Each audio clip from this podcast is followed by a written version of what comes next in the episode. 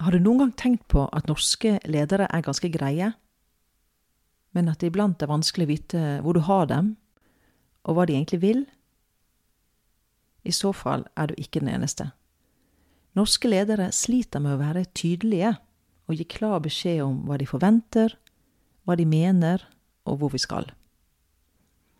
Jeg heter Lisa Wade, og i denne episoden av Snakk om jobb skal vi ta for oss hvorfor nordmenn er innsauset i en være grei-kultur. En kultur som ikke gjør det enkelt å være leder, og dermed heller ikke medarbeider.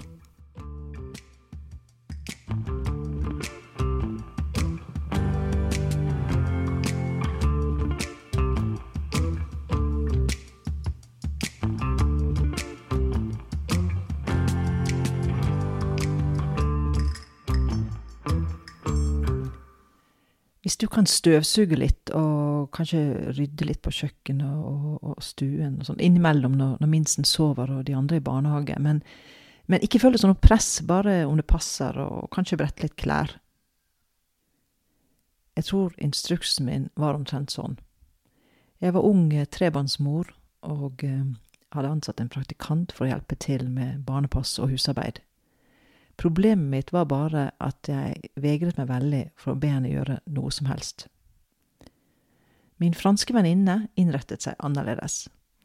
Hun satte av tre dager til opplæring av praktikanten, systematisk opplæring, med matlaging, barnepass og rengjøring. Etter de tre dagene var denne praktikanten ikke i tvil om hva hennes arbeidsgiver forventet av henne. Nå kan du jo lure på hvem som fikk mest ut av praktikanten sin, min franske venninne eller meg.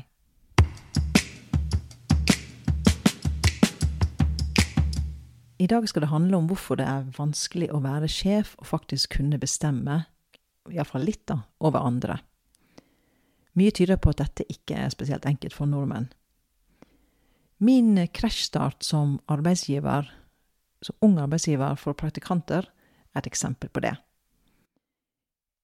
Jeg husker ennå hvor vanskelig jeg syntes det var at jeg skulle be disse ulike praktikantene om å gjøre noe for oss.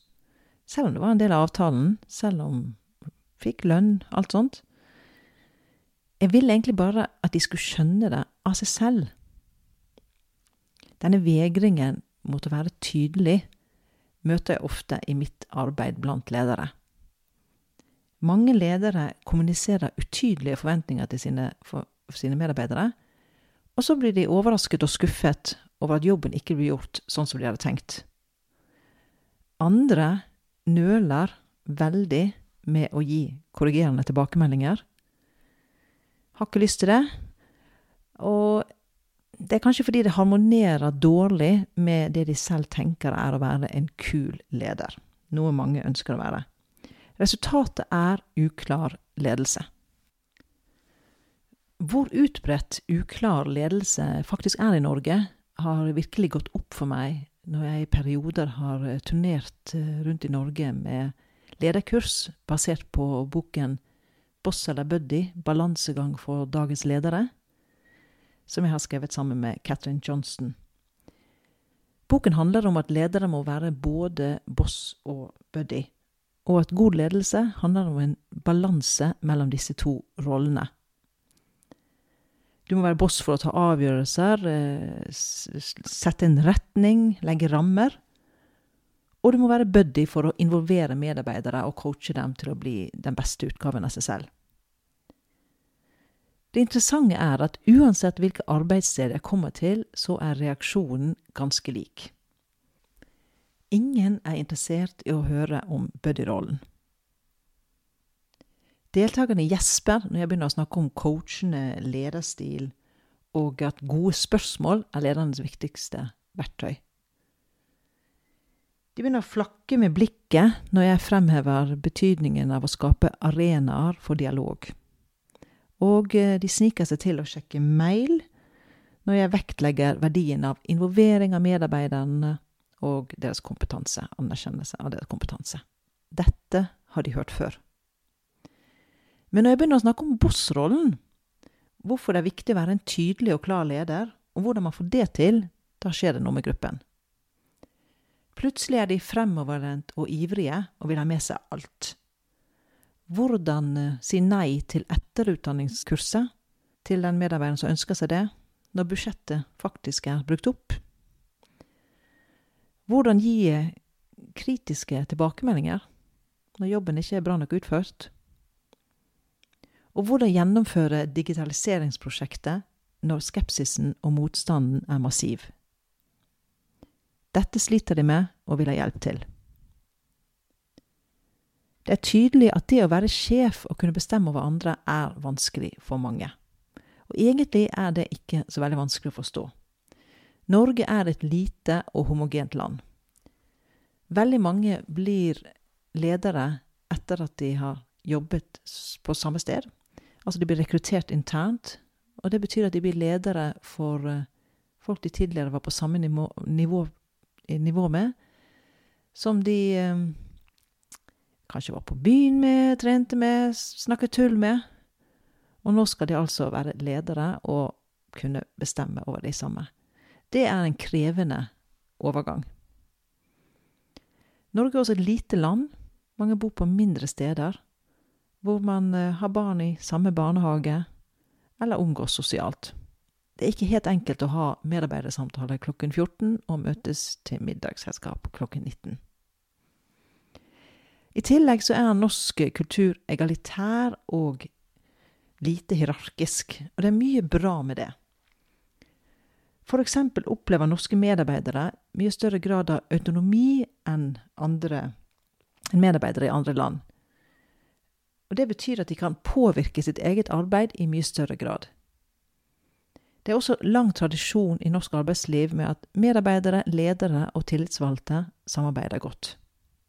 En viktig grunn til det er at ledere ikke oppfører seg veldig sjefete. Samtidig kan idealet om at vi alle er like og like mye verdt, dekke over at det er ulike roller og mandat. Også ledere i Norge har jo faktisk makt og styringsrett over medarbeiderne, men det snakkes ganske lite om det. Når norske ledere blir spurt om de trives med å ha makt, er dette det klassiske svaret. Jeg tenker ikke på det som makt, jeg liker bare å få ting til sammen med andre. Det er jo veldig vakkert, men det hadde jo vært forfriskende om én leder hadde slått, seg på brystet og sagt ja, jeg liker å bestemme. Men det skjer altså veldig sjelden. Det som derimot skjer, er at ledere hele tiden passer på å understreke at de er helt vanlige mennesker. Et eksempel på det er da Jonas Gahr Støre ble minister for annen gang i Jens Stoltenbergs regjering. Regjeringen kommer ut på Slottsplassen, og alle ministrene får da blomster og gratulasjoner fra familie og venner. Det vil si, eh, Jonas Gahr Støre fikk ingen blomster. Det var egentlig ikke så rart, tenkte han, for han hadde jo vært minister i perioden før. Så, eh, ja, Men så klikket det inn en, tikket det inn en SMS på mobilen hans, og han ble glad. Noen tenkte på han likevel. SMS-en var fra hans kone, og der sto det 'Kjøp melk'. Jonas Gahr Støre forteller selv denne historien på Skavlan, til stor begeistring for eh, tilskuerne. Alle elsker at også Jonas får beskjed fra sin kone om å kjøpe melk. At han er akkurat som oss andre, selv om han nettopp har vært hos kongen og reiser rundt og møter presidenter og ministre. Han er likevel en av oss. Det går rett inn i det norske lederidealet. Problemet med ledere som understreker for sterkt i ord og handling at de er akkurat som oss andre, melder seg den dagen de faktisk må skjære igjennom og ta en upopulær avgjørelse. Det må nemlig ledere gjøre iblant. Og da kan medarbeidere som er vant til at alle er gode venner og bestemmer like mye, oppleve dette som et overtramp. Lederen har ikke gjort noe annet enn å utøve styringsretten sin men fordi han eller hun sjelden gjør det, oppleves dette negativt fra medarbeiderens side. Ja, noen føler det faktisk så sterkt at de opplever det som trakassering. Dessverre har vi en god del eksempler på dette i norsk arbeidsliv. Uklar ledelse kan ikke ta hele skylden. Det er også en del medarbeidere som ikke helt har tatt inn over seg at det er forskjell på ledere og medarbeidere, og at en av betingelsene for fast månedslønn er at man underordner seg lederes styringsrett. Underordne seg lederes styringsrett. Smak på de ordene. Høres de unorske ut? Eller bare uvante? Kanskje er det en uskreven regel i Norge at vi ikke skal dvele for mye ved styringsretten. Den er der, men vi vil ikke ha for mye mas om den.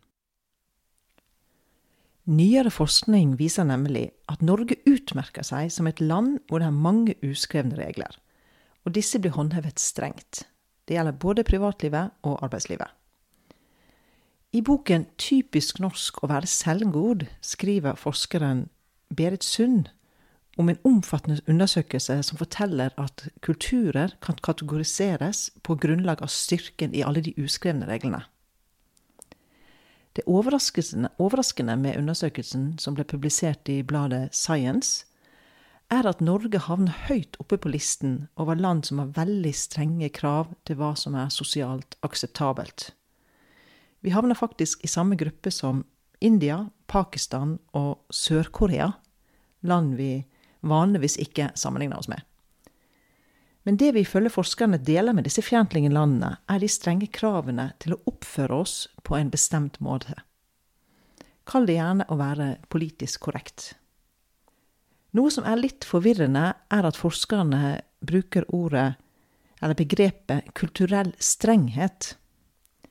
Strenghet er jo et ord som gikk av moten i Norge for mange år siden. Men i denne sammenhengen her betyr streng veldig faste oppfatninger om noe.